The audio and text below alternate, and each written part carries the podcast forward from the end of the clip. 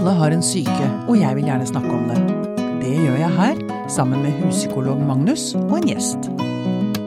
Dette er Pia på syke. Du, Magnus. Ja. Um, jeg får si, liker du å ruse deg?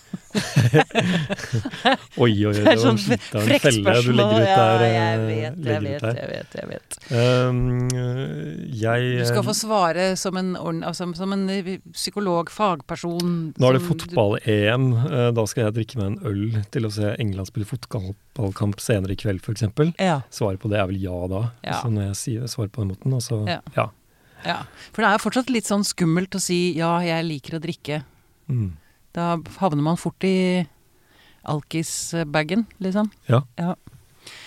Det, det gjør man lett. Ja, eh, for jeg tenker jo at jeg til tider eh, kan bruke vin som trøst, f.eks. Det er ikke alltid så lurt, tenker jeg. Men det, nå skal vi få sortert litt eh, i disse greiene her, og vi har fått en jeg holdt på å si rusekspert. Det er kanskje ikke sånn du vil bli presentert, Fanny Duckert. Ja, det er helt greit. Det, det er jo, jeg har jo holdt på med rus i nesten hele psykologkarrieren min, sånn at det er jo absolutt en viktig bit av min faglige identitet. Ja. Men du er altså eh, professor emeritus ved UiO. Ja. Ja. Og nå driver du egen praksis klinisk spesialist. ja. Eh, Du har gjort så mye, så jeg skal ikke nevne alt det. Men jeg, som jeg sa da du kom, du er jo en slags institusjon blitt i Norge. ja.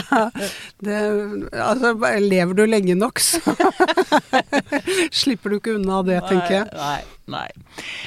Eh, men jeg fant et sitat fra deg. Du sa en gang eh, i en artikkel for noen år siden at du har bestandig interessert deg for de litt på kanten-tingene ved mennesket. Rus, mat og erotikk. Ja. Det, det favner deg kanskje ganske godt. Ja, det gjør det.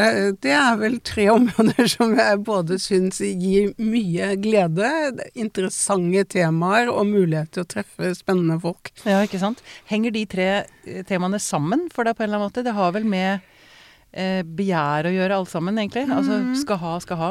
Og så har det med kommunikasjon å gjøre. Det har noe med nærhet å gjøre. Det har noe med å dele opplevelser sammen. Ja, se det. Det var også det er finere blikk på det enn jeg hadde, kanskje. Ja. Hvorfor eh, havna du inn i rusfeltet, tror du? Eller hva var det som drev deg dit? Ja, det var en ren tilfeldighet. Jeg var veldig sånn fersk, ny psykolog. I Oslo hadde tenkt å bli i Oslo. Den gangen var det ikke så mange psykologstillinger. Og så havnet jeg på noe som het Attføringsavdelingen ved fylkesarbeidskontoret i Oslo og Akershus.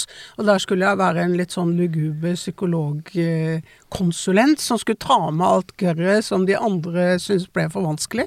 Så det var psykiske problemer, alle mulige varianter. Og så var det rus. Um, og det som var, som var litt sånn interessant da, det var at da var hasjen veldig fersk i Norge. Eh, og det med hasj var egentlig ganske Det var litt sånn skummelt og spennende og farlig og kult. Ja. Og det var liksom hippienes tid, og alle så på det med liksom, Det var jo det livsbejaende også på en måte, og musikken og kjærlighetsliv og p-piller og hele greia. Men det vi hadde, var de gamle alkisene som ingen likte, og som var helt i bånn av Hierarkiet. hierarkiet. Og da husker jeg de sa til meg sånn veldig sånn litt sånn Ja, og så vet du at med disse alkisene, da, da er det om å gjøre å få dem avslått så fort som mulig, så kan vi bli kvitt dem, få dem ut. Og så ble jeg litt sånn Å, hvorfor det, liksom? Er, hva er gærent med det? Ja, det vil du forstå når du begynner å jobbe med dem. Okay. Så, så det var veldig sånn litt sånn eh, svart og tungt og moraliserende. Og jeg som jo var en ekte 68 og ute etter å revolusjonere verden, jeg kastet meg jo da begeistret ut i dette feltet, og, og med den Hva er det som er gærent med dem? Og så fikk vi da var vi en liten sånn geriljagruppe med oppegående medisinere, sosionomer og meg. Og så bestemte vi oss for å lage et aksjonsforskningsprosjekt, så vi suste rundt og plukket opp eh, det vi kan kalle, som det ble den gangen, da, liksom fylliker på avrusningsstasjonen, Blå Kors, Bjørnebekk kurhjem og Akkurat. masse andre steder. Og så hadde vi fått en del ressurser, så vi kunne hjelpe dem med å få et sted å bo, med utdanning og bistand i forhold til arbeidstreningsprosjekter. Og det som var ganske sånn spennende, det var jo når vi begynte å jobbe veldig tett, og vi var veldig tett på og fulgte dem opp. Det var før eh, eh, data og PC, så vi hadde store sånne ruteark, A4-format ruteark med datolinjer og farvekoder. Okay. Og så fulgte vi dem nøye måned for måned, uke for uke, med hva holdt de på med. Og vi visste jo hvor mye var de på institusjon, når de satt i fengsel, når jobbet de, når reiste de. Og målte dette opp mot hvor mye de drakk, eller? Ja, og så, og så ikke sant, så hadde vi hele tiden tilbakerapporteringer, og betingelsen for å bli med var at de måtte binde seg for to år. De fikk ikke lov til å forsvinne, og hvis de ble borte, så måtte de holde oss oppdatert. Så det var en veldig sånn annerledes måte å jobbe med klienter, og vi var eh, ganske uerfarne, men prøvde å bruke det vi kunne om sånn eh, sosial læring og kognitive ting som var begynt å komme. Og så var det jo at vi da så til vår overraskelse her skjedde det veldig mye. Altså at disse gutta begynte å justere på livsstilen sin.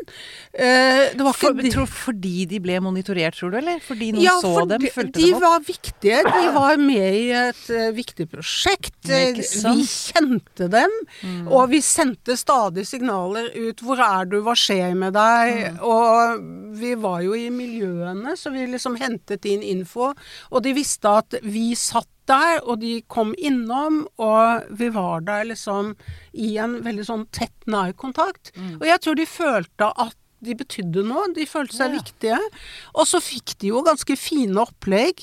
Så det de gjorde, var at de ruste seg mye mindre. De sluttet å være kriminelle, og de begynt, fikk tatt kurser og begynte å jobbe mer systematisk. De fikk en verdi, rett og slett? De fikk en verdi. Og jeg tror kanskje det var liksom noe av det viktigste i det prosjektet. At de kunne rette seg opp og være fullverdige mennesker. Ja. Men de ble ikke totalavholdende. Nei. Og det var jo da sånn litt langt til eh, den første greia når det smalt. Og det var at jeg liksom ut fra disse resultatene, og hadde reist litt og, og gjort en ting og vært på noen sånne forskningskonferanser, så skrev jeg en kronikk i jeg tror det var Aftenposten, eh, med tittel 'Alkoholistomsorgen sannheter modne for revurdering'. Spørsmålstegn, riktignok. og så gikk jeg gjennom alle disse mytene og magiene og alt det, og sa at dette stemmer ikke, dette stemmer ikke, dette stemmer ikke. Og eh, at det er, folk med rusproblemer er fortsatt individer veldig forskjellige. Det er mange veier inn i et rusproblem, mange veier ut. Og så kom den farlige setningen. Totalavhold er bare én av flere mulige alternativer. Den, Den smalt. den smalt. Ja. Da fikk du alle Da, organisasjoner, alkohol Ja, ja, ja, Og de medisinske professores. Medisin, eh, og, for det, det var jo så mye fordommer. Og det var jo også noe med økonomi og big business og mange som hadde tjent svære beløp på å kjøre disse rigide ja, behandlingsprosjektene. Men det, jeg har lyst til å høre hva Magnus tenker når han hører dette. Jeg blir jo så glad når- altså den, den, Det bildet du tegner av mennesker som plutselig får en verdi. Mm. Hva det gjør med et menneske Mm. å bli sett. Ja. Mm. Veldig viktig. Eh, hva slags tanker gjør du deg, Magnus, når du hører Fanny? Umiddelbart så tenker jeg også på måten disse damene startet dette tilbudet på. Mm. Med en sånn eh, Med et sånn eh, ønske om å nå inn til disse folka som andre hadde gitt opp. Mm. Og en sånn eh, genuin nysgjerrighet. Mm. Sikkert noe med alder og hvor dere var i karrieren å gjøre, hva vet jeg. sant. Men Han er yngre og mer respektløs. Ikke sant? Og, eh, men bare en sånn ønske om å komme i kontakt med disse folka man skal jobbe med, eh, Mm. og finne ut av, og finne ut av hvordan de lever livene sine. sine. Eh, Så er det jo ofte sånn at gitt de rette rammene, og når behandling gis de rette rammene, og man har det rette fokus, så sier man jo ofte det at man opplever jo det at det skjer veldig mye når man møter mennesker på en veldig direkte og respektfull måte. Mm. Og eh, det kan jo tenkes å være helt naturlig i mange sammenhenger, at det skal du selvfølgelig gjøre, det er jo første bud. Mm. Men her beskrives det jo en gruppe som på forhånd da er litt sånn sortert ut av den køen eh, blant de som skal få den gode hjelpen, som sannsynligvis er møtt på en ganske eh, Møtt med møtt et med eh, og- tvungent, tvungent utenforskap, kanskje. Mm. Mm. Eh, og da får jo det Da blir jo det en veldig, veldig ond sirkel ofte. Mm. Hvor de samme menneskene bekrefter eh, de antakelsene man har om dem, og føler seg utenfor, oppfører seg som folk som er utenfor. Og, så det er jo egentlig litt tragisk også å høre på, Mm, eh, den mm. beskrivelsen. Ja, men eh, det er jo ikke overraskende. Nei. Eh, og når jeg sa 'respektløs' om det, så mente jeg ikke det, Fanny. Jeg, bare, jeg kom på en setning til setning jeg leste. Du er en som stiller respektløse spørsmål ved alle vedtatte sannheter. Mm. Det syns jeg var så kult sagt. Jeg liker folk som gjør sånn. Eh, ja. Ja, tror du det, er ikke, det er ikke fremmed for deg, det? Nei, det er ikke det. Og det er jo klart at det, det, var, jo, det var jo en veldig sånn spennende og utfordrende situasjon å være i, men også sånn ganske krevende. For det eh, fordi det vi i grunnen hadde gjort, var å anvende eh, anerkjent psykologisk kunnskap. Og, og lagt den inn i et felt som var fylt med fordommer og mistro. Mm. Og så når vi påpekte at det kanskje var andre måter å, å se ting på og forstå fenomenet på, og andre måter å jobbe på, så var vi veldig sånn Jeg, jeg kan snakke bare for meg, men jeg var veldig sånn uforberedt på den aggressiviteten som lå i systemene.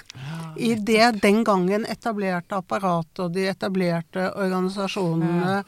Eh, og, og, det, og det var jo ganske sånn tøft for en ung psykolog. Jeg, fi- da var det jo ikke sosiale medier, men jeg fikk jo trusseltelefoner til alle døgnets tider.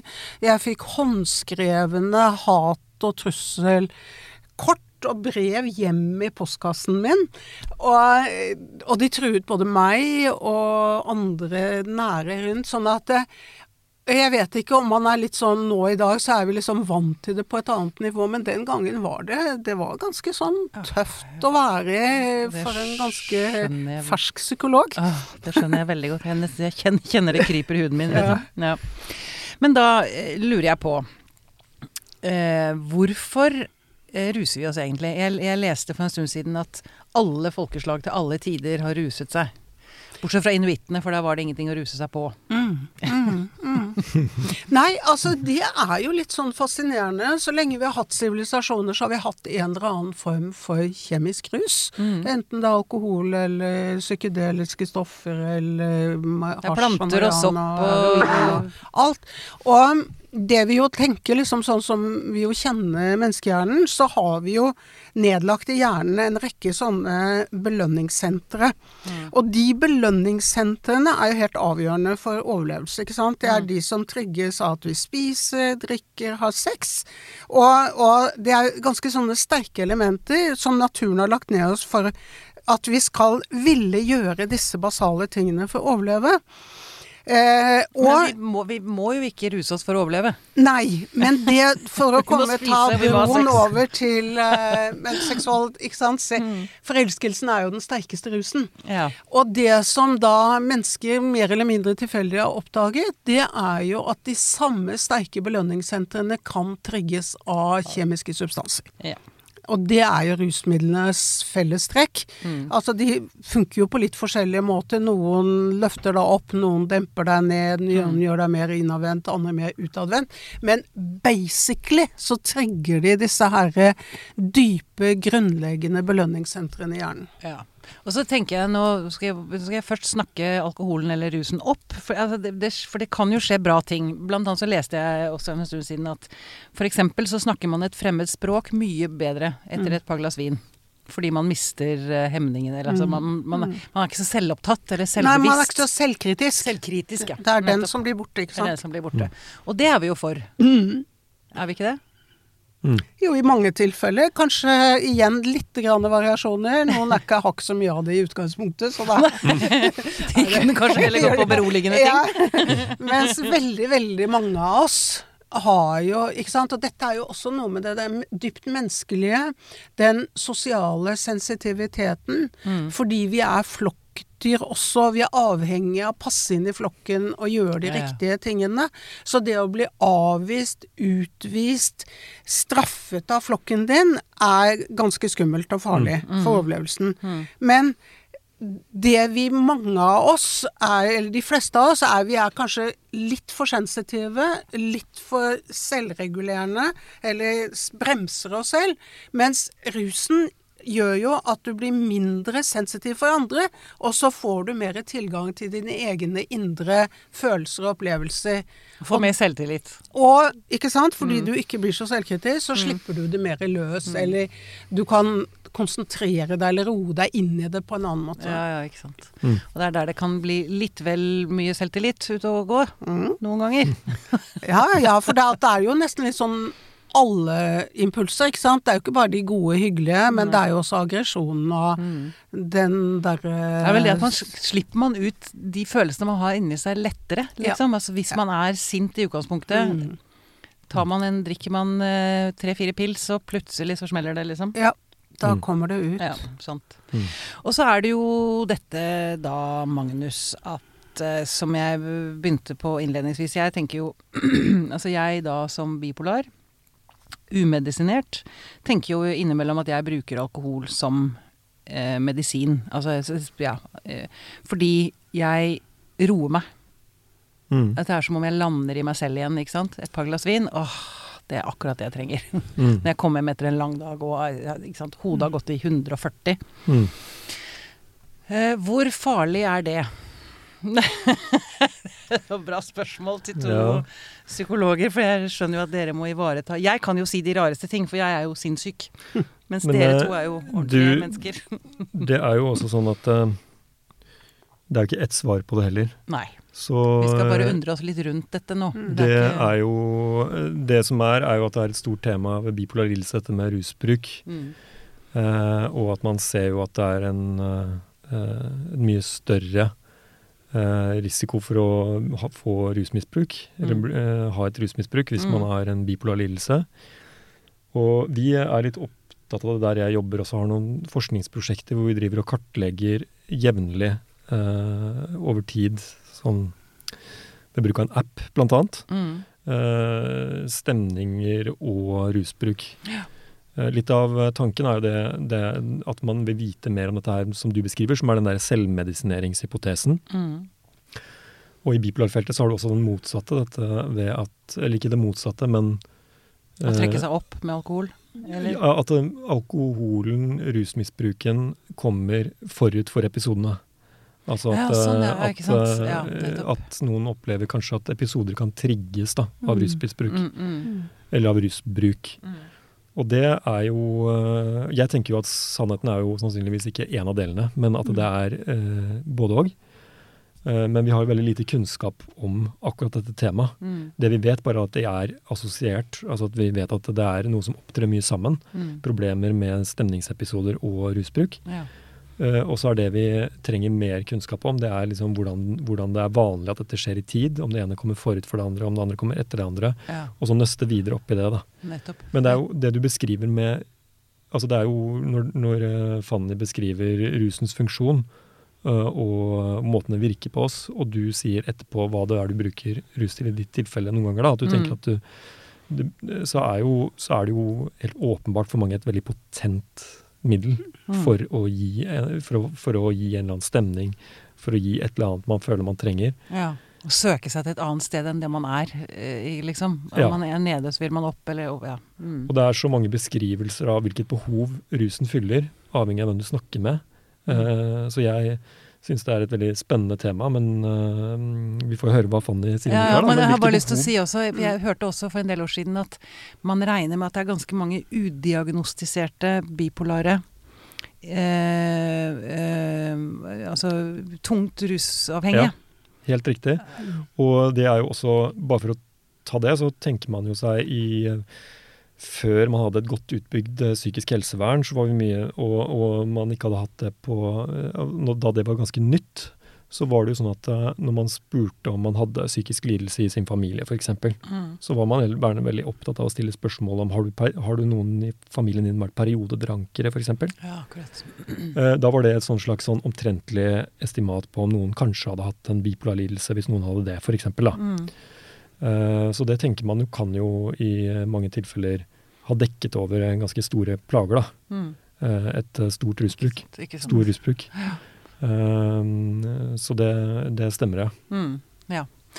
Eh, ja, nå avbrøt jeg en tråd. Jeg skulle egentlig sende noe videre til Fanny, men det har jeg glemt nå, hva det var. Eh, kan det ha noe med det der med hvilke behov rusen fyller for den enkelte? For det... Ja, ja, ja. La oss snakke litt videre om det. Nei, altså Og her er det ganske viktig å være obs på spennvidden. Altså Og det blir jo tydeligere og tydeligere for meg og lenge jeg jobber, jo flere jeg treffer i dette feltet, at folk er utrolig forskjellige. Mm. Og det er veldig mange veier inn i et alkoholproblem, og alkohol kan brukes på utrolig mange forskjellige måter. Mm. Så en, liksom du kan si en variant eller en vei inn er jo dette med at du har en underliggende øh, psykisk, psykiske problemer, og så regulerer du det gjennom egen rusbruk. At du liksom lindrer eh, depresjonen, eh, tar toppen av de derre eh, 100 000 togs, mm, mm. Eh, kilometertoget ditt. Eh, og at det for en del er en måte å forsøke å overleve mm. med problemer. Så har de funnet ut at det blir påvirket på denne måten. Eh, mens andre bruker det jo som smertedempning. Noen bruker det for å få til nærhet, intimitet. Noen bruker det som opprør og eh, ja. trasse mot noen. Noen bruker det i forhold til samlivskonflikter. Sånn at det, det er veldig Altså, det kan ja. være veldig mange måter å gjøre dette på. Ja, pluss at jeg tenker også at Nå kommer jeg på nå at det er det, kan, det, ligger jo også et slags sosialt press i det. Mm. Når man skal ut med venner. Mm. Det snakket jeg med en venninne om for i fjor. Hva gjør man sammen ute? Altså Man kan gå tur, selvfølgelig. Det mm. gjør vi jo. Men ja. skal, skal, vi, skal, vi møtes i kveld? Ja, da går vi ut og tar en pils. Ja. Og det jo Det å drikke sammen er jo en kvasiaktivitet. En kvasiaktivitet? Ja. Da behøver du ikke finne på noe annet. Nei, da kan du nettopp. sitte og uh, snakke bare, for da gjør du tilsynelatende noe sammen. Ja, og det er jo et fenomen som du kan uh, eh, f.eks. se på masse av disse her uh, seriene, sånn TV-seriene, hvor sånn basically er at folk sitter og snakker med hverandre. Og der er det veldig mye drikking. Ja, ikke, sant? ikke, sant? At de møtes på barer, de mm. deler vin. Mm. Altså, de, de, altså, det å drikke alkohol sammen gjør at du slipper å da filme dyre utendørsscener eller finne på action, for det er nok at du drikker sammen. Og sånn er det for oss også. Vi kan møtes. Eh, man kunne basically møtes til te eller kaffe, men det er også den symbolske biten med alkohol. Og, og nå åpner vi en flaske vin sammen, da ja. koser vi oss. Nå, da er det Nemlig. Og mm. det er Og den har vi veldig sterkt her, særlig i Skandinavia, Nord-Europa og veldig også i Norge, at vi har en veldig sterk sånn kulturell eh, alkoholavhengighet i samfunnet. Mm. Og dette har noe med norske tradisjoner å gjøre, ikke sant. Fra gammelt av Norge var et fattig fattig, karrig land som var avhengig av at folk var oppegående, jobbet hardt og klarte seg på lite. Og mm. alkohol har jo alltid vært knyttet Det har alltid vært dyrt på en eller annen måte, ja, og, og, lite tilgjengelig. Det er en luksus. Ikke sant? Så det som jo har vært den norske greia, det er jo knyttet opp til feiringer. Rituelle feiringer, altså fødsel, død, brylluper, eh, jul, påske Alt dette har vi jo hatt lenge før kristendommen, ikke sant? Mm. Og at man da kommer sammen, og da slår man sammen alt man har i alkohol, og avreagerer alt mulig annet også, ja. som vi ikke kan gjøre denne kalde, eh, litt slitsomme, grå hverdagen vår. Mm. Sånn at tradisjonen er at du skal slippe deg løs, og de tingene du gjør og sier med alkohol innabords, gjelder ikke på Nei. samme måte som de tingene du sier. Edith Jeg, Hystad. sorry, jeg var full. Jeg Ja. beklager. Jeg mener det ble litt eh, Ikke sant? ja, Og ja, det er jo veldig den norske alkoholkulturen. Mm. Det er at vi Masse fokus på å vise verden at vi drikker. Vi veiver med flasker, glass, vi skåler, vi har drikkeviser. Altså, og det er veldig viktig å signalisere dette. At nå har vi satt en parentes. Rundt det vanlige. Ah, selvfølgelig. Ja. Vi får operere sånn i fred, liksom. Ja. Parentes, det var gøy. En Ja. liten timeout fra virkeligheten. Ikke sant? Men så kommer da noe av det som er da touchy for folk som ikke kan eller ikke vil drikke. Fordi alle er avhengig av at hele gruppa styres av de samme greiene. Mm. Og hvis det er en som ikke drikker, som ser på alt med et klart blikk, husker alt som faktisk skjedde i morgen, Ja. øh, og kan konfrontere folk med dette etterpå, Mm. det blir en supertrussel mot den gode stemningen og fellesskapet. Eh, Derfor er det så ekstremt vanskelig i Norge å være avholdende. For da tennes alkoholikerskiltet liksom Ja. eh, på, blinker på toppen av hodet. Hvis du ikke er synlig gravid, liksom. Ja, men jeg husker jeg vi hadde Mikke Andreassen i studio for et par år siden.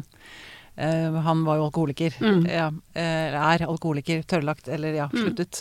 Men han sa jo det at når han var på firmafester og sånn, eh, etter at han slutta å drikke, så var det Når folk hadde drukket to-tre enheter, da gikk han. Mm. Da, da, da klarte han ikke å kommunisere med dem lenger. Nei, ja. Nei, og ble urolig og Ja, bare- ikke ubehagelig for ham, Rett og slett ikke noe hyggelig. Mm. Mm.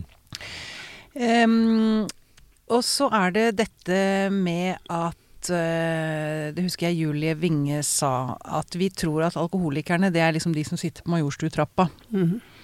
Men eh, rusproblematikk, eller alkoholisme, det er jo veldig mye bak lukkede gardiner og dører. Og Mhm. velfungerende mennesker, altså som klarer fint å leve, ha jobber, levere i barnehage, og som kommer hjem hver kveld. Oh yes. Mm. Og det er jo litt av bredden i dette her. Nå vil jo jeg, kanskje det må jeg faktisk, siden det er denne podkasten, legge inn at jeg bruker ikke begreper som alkoholiker og alkoholisme. Nei, akkurat. For det, få høre. For det, eh, og det er sånn flere grunner til. Det ene, det fins ingen diagnose som heter alkoholisme. Nei. Det fins ikke en egen pasientkategori som er alkoholikere. Altså det man, Hvis man tenker medisinsk på det, så snakker man om eh, at man har et eh, risikofylt eller skadelig forbruk av alkohol, et overforbruk av alkohol, og man har alkoholrelaterte problemer, og så er det varierende grad av avhengighet. Ja. Men, Men- rusavhengig er vel en diagnose, eller er det ikke det? Jo, det er en eh, Altså grad av rusavhengighet er jo liksom noe av det man bruker i disse diagnosetingene. Mm. Men noe av grunnen til at jeg er ganske motstander av disse begrepene, er fordi de er så ideologisk ladet. Ja. Og eh, gir en masse sånne forestillinger om hva slags type menneske dette er.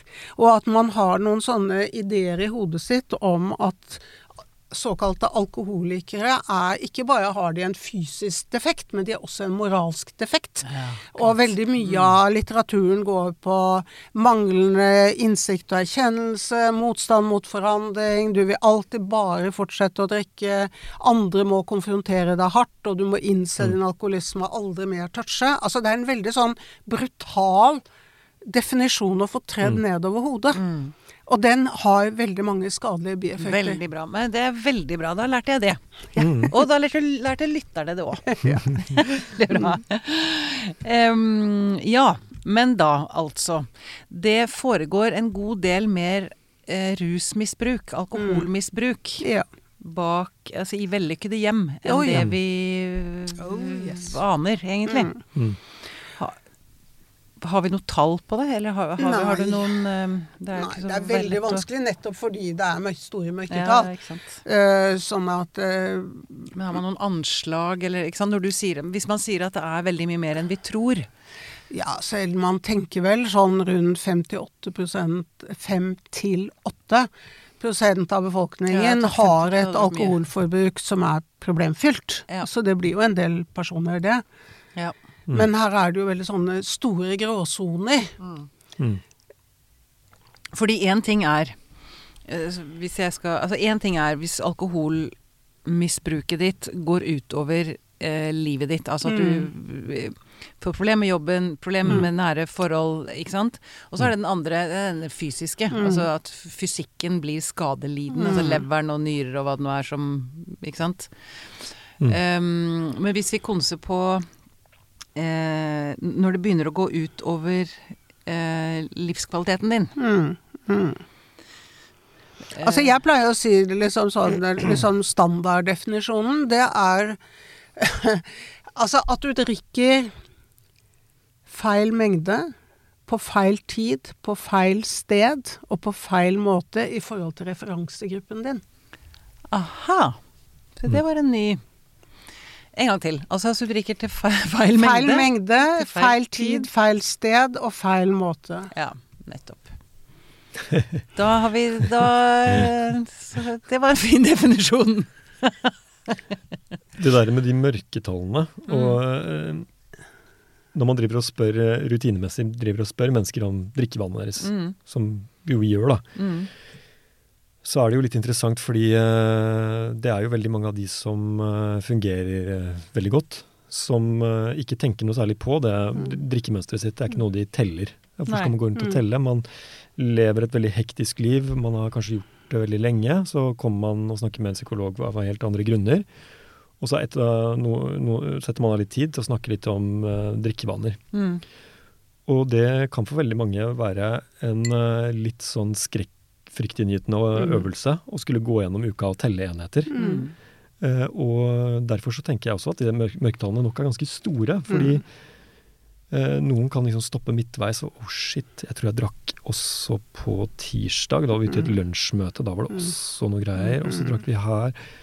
Eh, Dette gjelder jo selvfølgelig ikke alle, men det er ganske mange som holder et veldig høyt funksjonsnivå, har kjempehøyt tempo i dagen, Mm. og som kanskje også selvmedisinerer ved bruk av alkohol litt uten at de engang har tenkt på det. Skjønner at det er det de gjør, Mm. Ja. Mm. Det kan ha vært det at de har drukket da i, i jobbsammenheng, i en, en eller annen sånn representasjonssammenheng, kommer hjem, er veldig slitne, da er det naturlig å ta seg et glass. Mm. Uh, og så kommer helgen etterpå, og da er det et eller annet annet. Mm. Mm. Og så blir dette her noe som går over lang tid. Og de tror jeg nok kan holde dette gående veldig lenge før rusen rammer funksjonen, da. Ja, ikke sant. Så uh, det kan For det være er, det er en forskjell på å være rusavhengig og en rusmisbruker. Nei, hva er det jeg prøver å si her nå? Altså at man kan misbruke rus, man trenger ikke å være avhengig. Eh, Skal jeg si en liten sånn en Avbryter deg nå? Unnskyld, Magnus. Nei, nei, Nei, nei. sorry. Nei, jeg bare tenker litt sånn Bare sånn for rydde litt, eller Ja, tenke litt liksom veier inn i et alkoholproblem. Mm. Altså for å ta sånn Basically er det to veier inn. Ja. Eh, og den ene er den dere nå har snakket om, altså det jevne forbruket. At det blir oftere og mer, stiger og og, blir en stadig større del av hverdagen og virkeligheten din, uten at det egentlig blir så veldig dramatisk. Mm. Altså du blir litt sløvere, eller du begynner å få for høyt blodtrykk. Altså at det blir en del sånne ting som er det som er trøblete. Og det er også knott knyttet opp ofte med at man har søvnproblemer og kan være litt deprimert. Altså det er en del sånne i det syndromet. Men det er liksom ikke veldig dramatisk, men det er mengde. Det er mengden som er problemet. Men den andre veien inn, og den er ofte litt annerledes, det er den at det er ikke det at du drikker så fryktelig ofte eller så mye i de fleste tilfellene, men du har, begynner å få stadig flere drikkesituasjoner hvor du mister kontrollen. Ja, Uten at du hadde tenkt det, så blir du, oppdager du at du blir mye fullere enn du hadde planlagt. Du begynner å forandre deg i fylla på andre måter. Du begynner å komme opp i situasjoner høyere risiko både f.eks. å utøve vold eller bli voldsoffer. Det skjer ulykker. Du havner på glattcelle. Du mm, får blackout og mister oversikt over situasjonen. Og så får du dagen derpå med skrekken Hva var det egentlig som skjedde? Jeg husker ingenting. Har jeg virkelig Eller at du våkner opp på fremmede steder og ikke aner hvordan du kom dit. Så det er liksom Og i tredje er jo at man kan ha en kombo av begge deler. Ja. Men det er liksom litt to forskjellige veier. Ja. Men jeg, jeg vet at jeg hører Altså, eh, ligger det noe i genene her også? Altså hvordan man reagerer på alkohol? At, at noen blir fortere hekta på det? Det gjør vel det? Altså, det er noen som kaller jeg, Hva heter han Han som spilte Chandler i Friends? Um, Ja, det vet han, jeg egentlig. Han, uh, ja. Perry. Eh, Matthew Perry. Ja, han har jo vært en, en forkjemper. Han, han har sittet i debatter og sagt at det er en Jeg har sykdom. det. Det er Altså, jeg Ja, ja. er rett og slett Jeg er syk. Dere må forstå det. Dere kan Altså, ja. Um, ja, altså, altså det biologiske elementet er det absolutt, men det vi egentlig tror, altså den nedarvede greia, det er at man mangler de naturlige bremseklossene. Altså for de fleste av oss så har vi en del sperrer. Altså vi, syns, vi blir dårlige når vi blir fulle, vi syns det er ubehagelig, vi blir dårlige etterpå. Altså sånn, og det gjør at vi ofte bremser uten helt å tenke på det. Men noen er i utgangspunktet uten de bremseklossene. Dvs. Si at de merker ikke selv hvor fulle de blir. At de kan bli veldig fulle i den enkelte Men så er det ikke bånd i dem, Nei, det er det. Altså, de mangler naturlige bremseklosser. Og det som da skjer, er at hvis du er i et miljø med veldig mye festing, så sklir du fortere inn fordi du får i deg så mye per gang. Men det er ikke sånn at du nødvendigvis har et større sug. Og noen som vet dette om seg selv eller har erfart det, de tar konsekvensene og sier at jeg eh, foretrekker heller å ikke drikke, eller jeg er bare nødt til å ta én øl eller ett glass hvis ikke jeg skal risikere å skli utpå. Ja. Så, sånn at den komboen at du får problem, det er igjen avhengig av masse sånne omstendigheter rundt deg, og hva slags oppvekst og liv og traumer og bla, bla, bla, som bestemmer det. Men utgangspunktet er at du ikke har bremseklosser naturlig sett. ja, nettopp. Nettopp. Det er interessant. Jeg, jeg tenker også den derre Beskrivelsen av disse inngangene er jo litt sånn den inndelingen litt sånn på, over, på overflaten. Hva, hvordan mønsteret går inn i dette. Mm. Så syns jeg også det er litt spennende og, øh, fordi øh, Og der øh, er det jo selvfølgelig også mange teorier og ulike veier inn, men Mm. hvilke dypere behov? For det der, hvis du går et nivå ned igjen? Mm. hvilket behov er dette med på å dekke for den, det individet Mm. som utvikler denne uh, utvikler det forholdet til rus? Mm. Og der vil jo man igjen oppdage at det igjen er forskjellig på et nytt nivå. Hvor eh, eh, noen er opptatt av dette med eh, et, at rusen kan være et substitutt for manglende nærhet. Og, eh, og for det, jo, det kan man jo også selvfølgelig beskrive med, med hjerner, og at det er mye Mm. belønning i dyp, med intimitet og nær kontakt, og følelse av å bli sett og, og se andre mennesker. Så at det er selvfølgelig den smerten som oppstår i det vakuumet for de som har problemer på det nivået, Mm. vil jo rusen kunne være en naturlig substitutt for. Mm. Men så har du jo så er jo ikke det svaret for alle, selvfølgelig. Eh, men i behandlingssituasjoner da, så vil man jo også gjerne dit at folk skal uh, ikke bare bli en del av statistikken, men bli uh, utforske seg selv som En del av seg selv. Mm. Mm. Mm. Mm. Ja, og det er veldig viktig å huske på at et rusproblem oppstår aldri i et tomrom. Nettopp. alltid koblet opp mot andre faktorer i livet ditt. Relasjonene Ikke sant. dine, Ikke sant. hvordan, hva slags opplevelser du har hatt. Og, og vi vet jo at det ligger jo en sårbarhet overfor å utvikle rusproblemer knyttet opp mot omsorgssvikt, mishandling, overgrep, Mm. altså skoleproblemer. Alle Mm. disse tingene øker jo risikoen. Ja, Og når du sier det, så tenker jeg bare de alkoholikerne og måten de ble møtt på før dere gikk inn med prosjektet Mm. deres. Mm.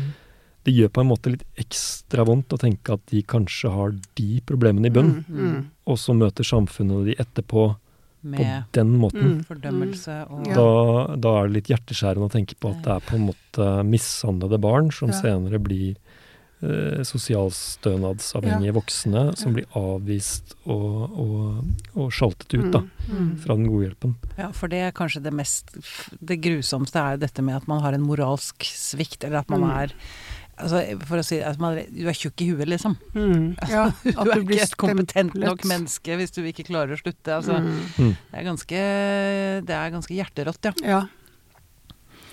Og veldig menneskefiendtlig.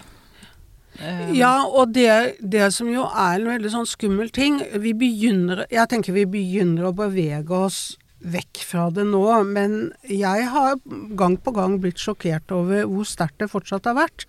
Dette med fordømmelsen av eh, klienter med rusproblemer. At er f.eks. At, de, eh, at man har sånn stilt krav om at først må de slutte å ruse seg før de skal få behandling for rusproblemet sitt, liksom. Mm. Og, og rusproblemet har vært eh, den formelle grunnen til at de ikke får bli tatt imot i behandlingsapparatet, og at Og det er også litt sånn et paradoks eh, at så mye av den offisielle behandlingen har vært krav om rusfrihet for å bli tatt inn, og for at behandling skal fortsette. Altså det er litt sånn det er litt søkt, men jeg tenker det stemmer litt. Altså, det er liksom som å si til en klient som sliter med angst, og si det at jo, ja, fint, vi skal jobbe med angsten din, men først må du slutte å ha angstanfall.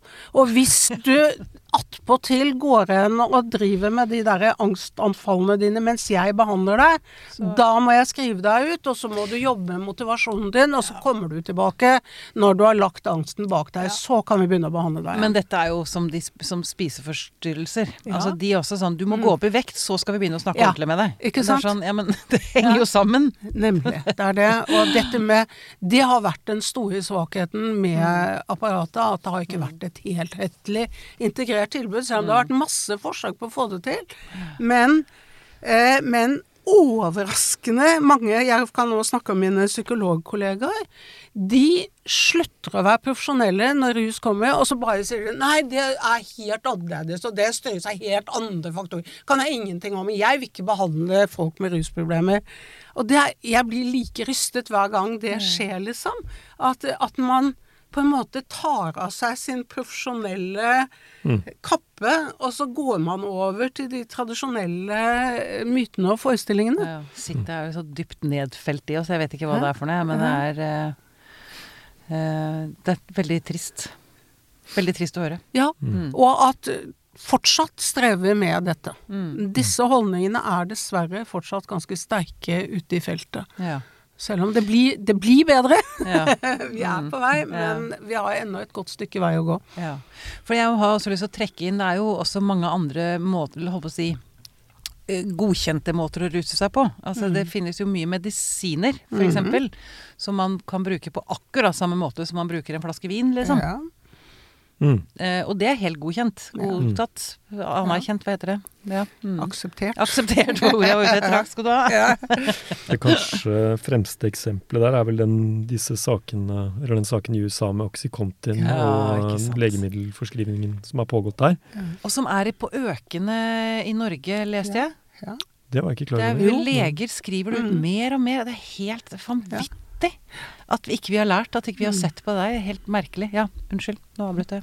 Mm. Nei, det var egentlig bare den eh, Det, det er jo en uh, en uh, epidemi der nede mm. som antagelig kommer til å få uh, ganske langvarige konsekvenser. Mm. Sånn som jeg har forstått det, så er det slik at man rett og slett kunne se det på dødsstatistikken, f.eks. Mm. mm.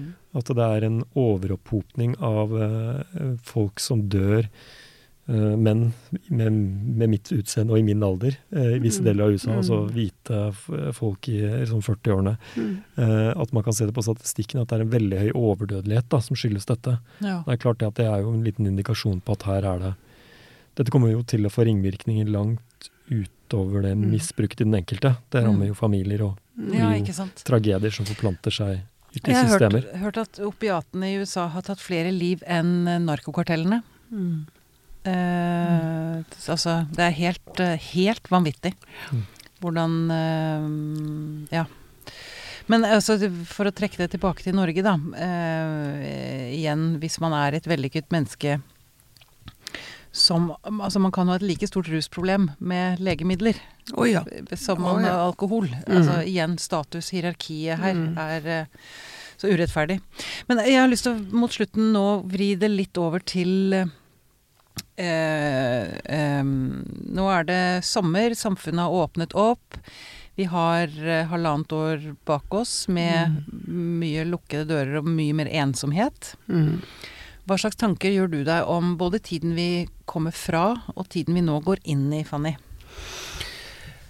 Uh, ja, altså Jeg tenker jo litt sånn uh, hva som har nedfelt seg. Jeg har jo hatt klinikken min åpen gjennom hele koronatiden, så jeg har jo møtt klienter faktisk fysisk nesten hele tiden.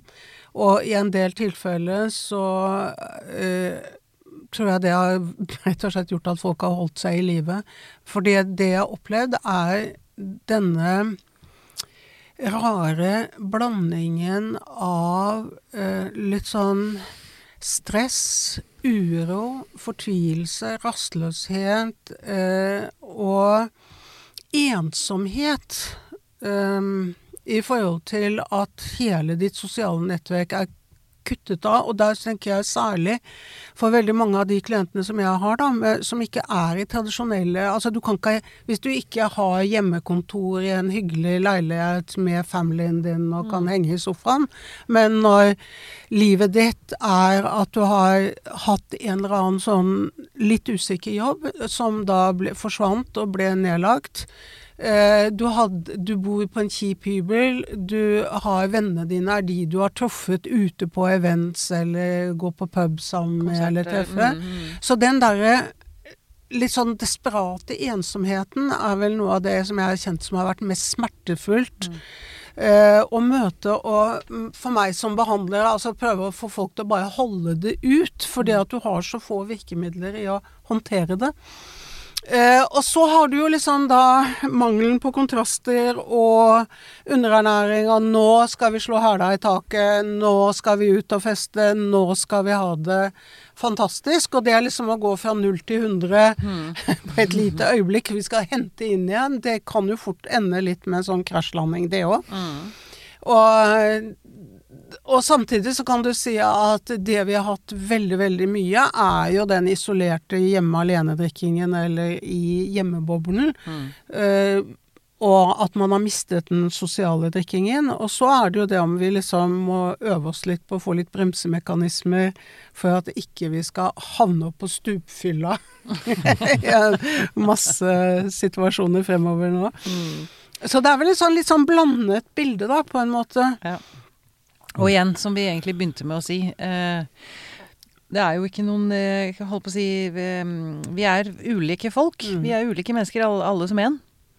Så det mm. gjelder vel bare igjen å ha et godt forhold til seg selv.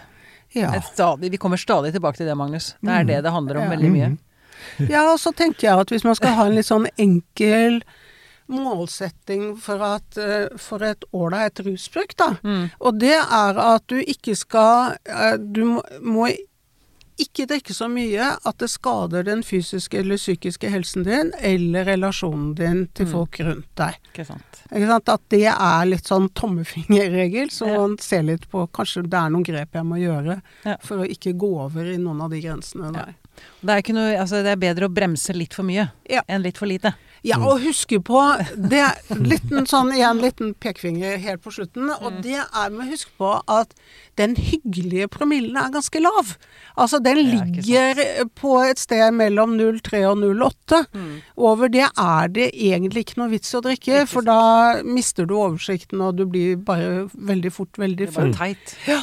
Så det å si en to-tre glass vin eller et par halvlitere, det som er lite triks Når du har tatt de, så tar du deg en break, og så surfer du på rusen, og ikke jager den videre. Men da Kos deg med den. Ta deg et glass vann ja. og en kaffe, og så ja. vent litt, og så se deg om. Ja. Ja. Veldig bra tips.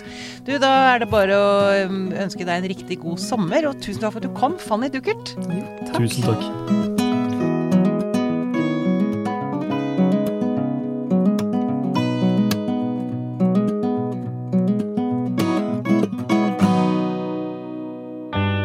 Denne podkasten er produsert av Tid og List. Med støtte fra stiftelsen Kåre Berg.